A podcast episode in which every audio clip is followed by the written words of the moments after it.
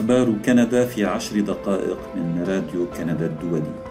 معكم فادي الهاروني وأهلا بكم في حلقة البودكاست الأسبوعية وإليكم العناوين. قصف المستشفى الغزاوي ترودو يريد التحقق قبل الاستنتاج. أوتاوا تؤكد أن 41 دبلوماسيا كنديا غادروا الهند. وتظاهرات في كندا على صلة بالنزاع بين إسرائيل وحماس في تقرير لسمير بن جعفر التفاصيل من راديو كندا الدولي. لم يرغب رئيس الحكومة الكندية جوستن ترودو وعلى عكس الرئيس الأمريكي جو بايدن في إخراج إسرائيل من دائرة الاتهام فيما يتعلق بالضربة الدامية على المستشفى الأهلي العربي في غزة يوم الثلاثاء. فقد أكد ترودو خلال مؤتمر صحفي في أوتاوا أمس أنه يفضل الانتظار قبل التوصل إلى استنتاجات قاطعة ونهائية بشأن المسؤولين عن هذه الضربة التي أوقعت 471 قتيلا حسب السلطات الصحية في قطاع غزة. وأثارت موجة عارمة من الغضب في العالم العربي. واتهمت حركة حماس الفلسطينيه الجيش الإسرائيلي بالمسؤولية عن الانفجار لكن إسرائيل نفت أي مسؤولية لها محاججة بأن لديها أدلة تظهر أن ما أصاب المستشفى هو صاروخ أطلقته حركة الجهاد الإسلامي الفلسطينية وحاد عن مساره. الجميع متفقون على أن موت أشخاص أبرياء في مستشفى غزة لم يكن ينبغي أن يحدث ابدا لكننا نأخذ الوقت اللازم لفحص كل شيء بعناية وبسرعة طبعا قبل استخلاص استنتاجات نهائية حول ما حدث قال ترودو يشار إلى أن الرئيس الأمريكي جو بايدن تبنى عقب وصوله إلى إسرائيل يوم الأربعاء تبنى الرواية التي قدمها الجيش الإسرائيلي بشأن الضربة على المستشفى. فعزاها إلى صاروخ حاد عن مساره بعد أن أطلقته مجموعة إرهابية من داخل قطاع غزة على حد قوله. واستنكرت ثلاث منظمات يهودية في كندا موقف رئيس الحكومة الفيدرالية فيما يتعلق بالطرف المسؤول عن الهجوم على المستشفى الذي يعرف بالمعمداني.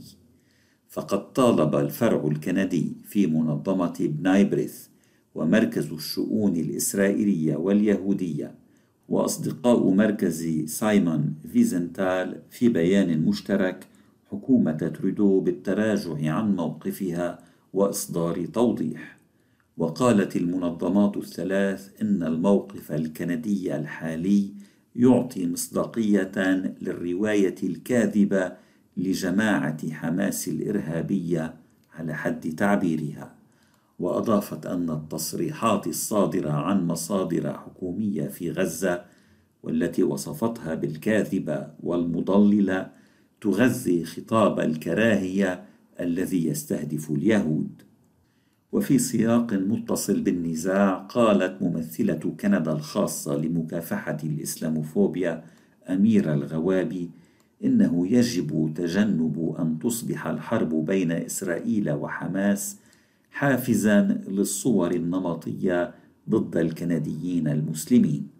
وأصدرت الغواب بيانا هذا الأسبوع حول تأثير النزاع المسلح الحالي على أفراد الجاليات المسلمة في كندا. فقالت إن المسلمين يعبرون عن خوفهم من عودة الإسلاموفوبيا التي لها أصداء من الماضي مثيرة للقلق. وذكرت بالسنوات التي أعقبت هجمات الحادي عشر من أيلول سبتمبر 2001 على الولايات المتحدة وما تبعها من شعور لدى العرب والمسلمين بأنهم ملامون ومنمطون جماعيا وضحايا تنميط عنصري. وقالت الغوابي إنه على المستوى المحلي شعر المسلمون والعرب بضغوط لإدانة أعمال لا علاقة لها بجالياتهم وإنه تم إسكاتهم عندما تعلق الأمر بالتعبير عن وجهة نظرهم بشأن حقوق الإنسان والكرامة. يمكنك الاشتراك في أخبار كندا عن طريق زيارة موقعنا على الإنترنت راديو تريدونيون كندا رسي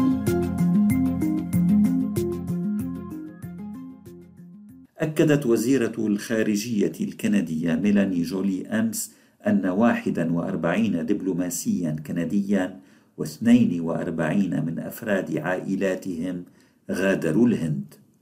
وجاء هذا الإعلان في وقت وصلت فيه العلاقات بين نيودلهي وأوتاوا إلى أدنى مستوياتها. وأشارت مصادر هيئة الإذاعة الكندية إلى أن المفاوضات بين كندا والهند التي استمرت قرابة أسبوعين باءت بالفشل وارتفعت حدة التوتر بين البلدين قبل شهر.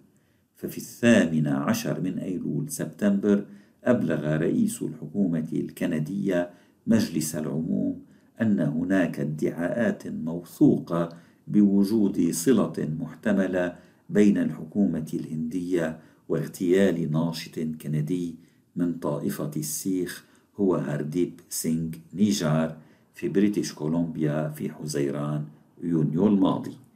ونفت الحكومة الهندية آنذاك هذه الاتهامات ووصفتها بأنها سخيفة. وردا على ذلك طلبت نيودلهي من أوتاوا سحب حوالي أربعين من دبلوماسييها المعتمدين في الهند مطالبة بالتكافؤ في عدد الدبلوماسيين الموجودين في البلدين.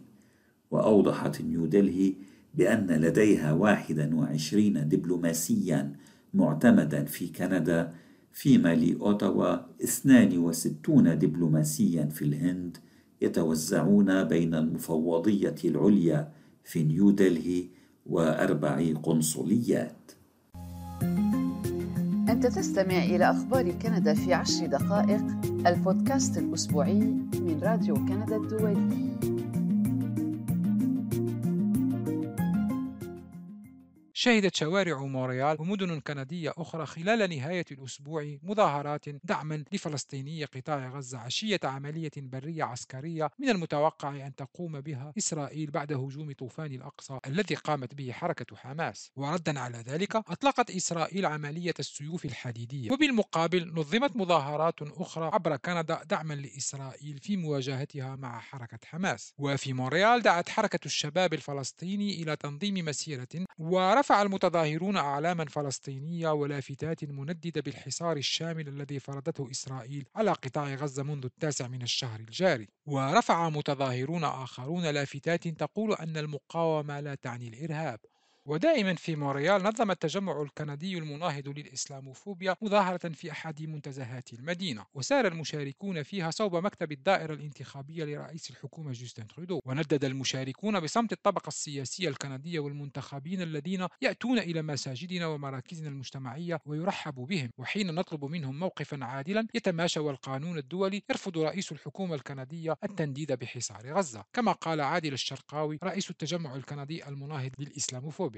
وفي مدينة ميسيساغا القريبة من تورونتو بمقاطعة أونتاريو تجمع مساء يوم السبت مئات الأشخاص للتعبير عن تضامنهم مع الفلسطينيين. ونظمت الجمعية العربية الفلسطينية في أونتاريو هذه المظاهرات وفي حوار عبر الهاتف مع راديو كندا الدولي أكد نهاد أبو هلال عضو الهيئة الإدارية لهذه الجمعية أن عدد المشاركين تجاوز ستة آلاف متظاهر. وعن موقف الحكومة الكندية مما يحدث حاليا في المنطقة يرى السيد أبو هلال أنها منحازة لإسرائيل. الحكومة الكندية برو إسرائيل والحكومة الكندية مع إسرائيل ظالمة أو مظلومة. وأضاف أنه على الحكومة الكندية أن تكون متوازنة في موقفها وتضع نفسها مكان فلسطيني قطاع غزة والضفة الغربية لتحس بألمهم ومعاناتهم بسبب تصرفات الجيش الإسرائيلي أو المستوطنين. وهناك مزيد من التفاصيل حول هذا الموضوع في تقرير الزميل سمير بن جعفر على موقعنا. حلقة البودكاست لهذا الأسبوع انتهت. شكرا لإصغائكم. thank you